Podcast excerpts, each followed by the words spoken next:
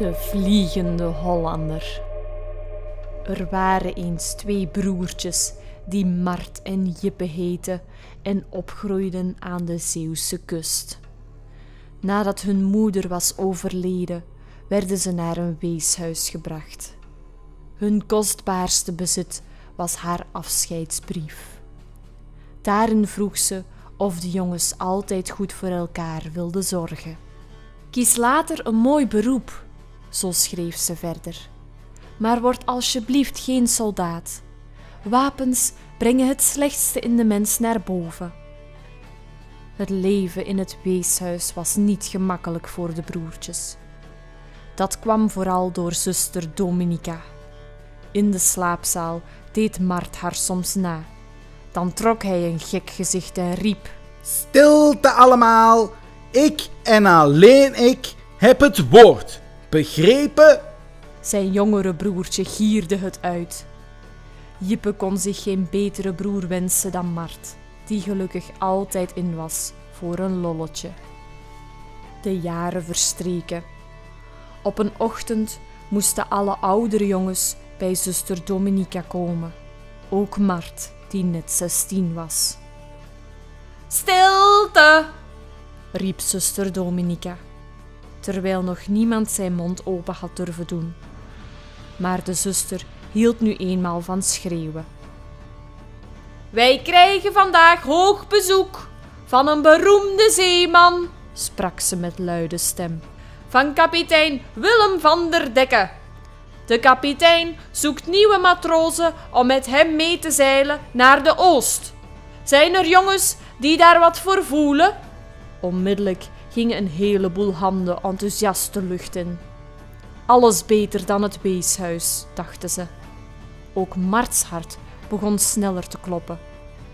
Hoe graag zou hij naar de verre landen zeilen, maar hij wilde Jippe niet alleen achterlaten. Wat later kwam kapitein Van der Dekke binnen. Een grote Norse man met weelderig zwart haar. Hij vertelde dat zijn schip Den Hollander snel uit zou varen naar Indië om specerijen te halen. En dat hij nog wel wat gezonde, sterke jongens kon gebruiken. Hij zei er niet bij waarom hij te weinig matrozen had. Heel wat zeelieden wisten al lang hoe gemeen Van der Dekke kon zijn. Zijn bemanning moest helpen met het plunderen van dorpen en het overgrote deel van de buit hield hij zelf. Willem van der Dekke woonde in het mooiste en grootste huis van Terneuzen.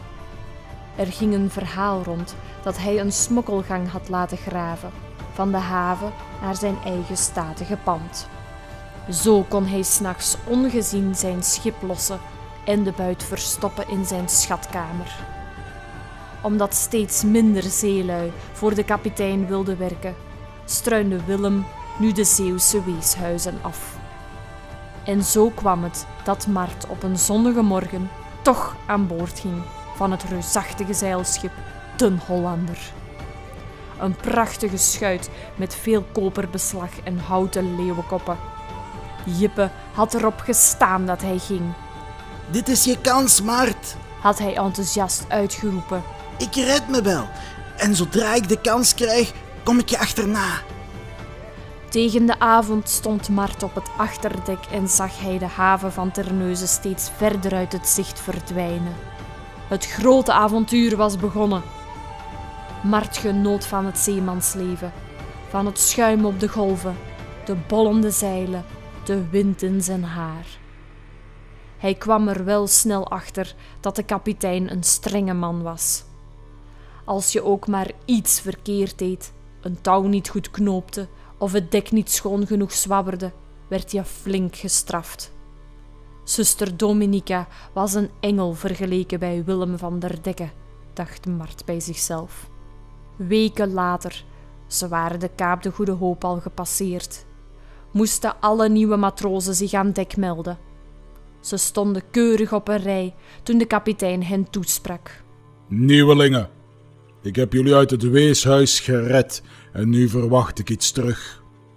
Kijk, Zijn sergeant opende een paar kisten die vol zaten met wapens. musketten, pistolen, sabels en messen. De sergeant deelde ze één voor één uit. Mart kreeg een lang scherp mes in zijn handen geduwd. Vanaf nu zijn jullie piraten. Van der Dikke lachte luid. Moet je die verbaasde koppies zien? Nou, wen er maar aan. Wie niet meedoet, gaat overboord. Die nacht lag Mart onrustig te draaien in zijn hangmat. Hij moest denken aan wat zijn moeder over wapens had gezegd. Hij nam een moedig besluit en verzon een plan. De volgende ochtend kregen ze hun eerste les.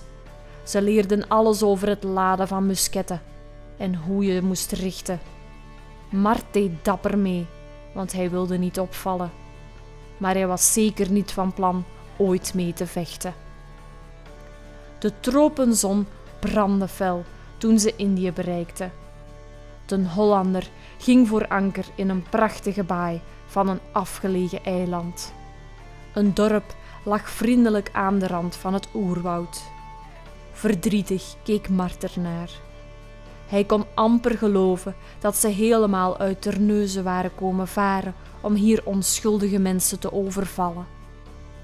Opeens was het een drukte van belang op het schip. Matrozen liepen af en aan.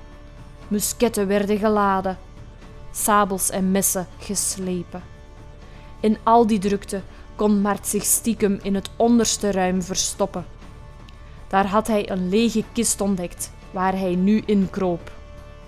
Boven hem hoorde hij de sergeant schreeuwen. In de sloepen! Wapens gereed! Het werd stiller. De manschappen roeiden naar het strand. Daarna hoorde hij gejoel en er klonken schoten. Vaag rook hij kruid. De overval op het dorp was begonnen. Mart dacht aan zijn moeder en zijn broertje en hij voelde zich vreselijk alleen. Zo gingen er weken voorbij. Mart wist zich goed schuil te houden. Op donkere nachten sloop hij naar de kombuis om water en scheepsbeschuit te stelen. Niemand leek hem te missen. Ze dachten vast dat hij was achtergebleven bij een van de overvallen, want inmiddels had Willem van der Dekke nog veel meer dorpen geplunderd. Op een nacht had Mart een mooie droom. In die droom zag hij zijn moeder weer. Mijn lieve Mart, wat ben ik trots op je, sprak ze met de zachte stem die Mart zich nog zo goed herinnerde.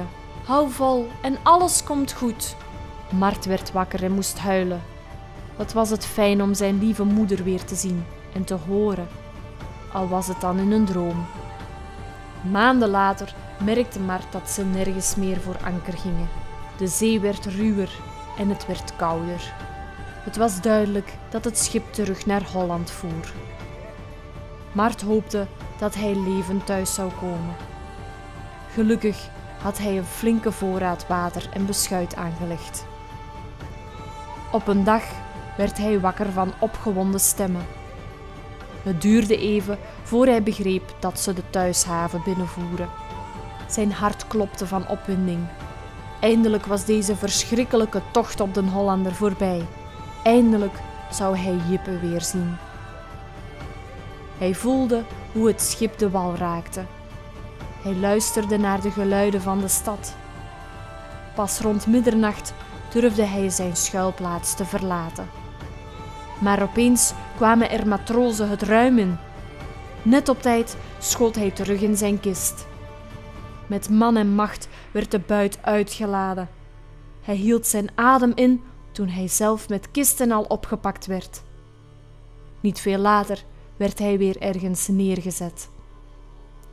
Uren later, toen hij zeker wist dat er niemand meer in de buurt was, wilde hij voorzichtig een kijkje nemen.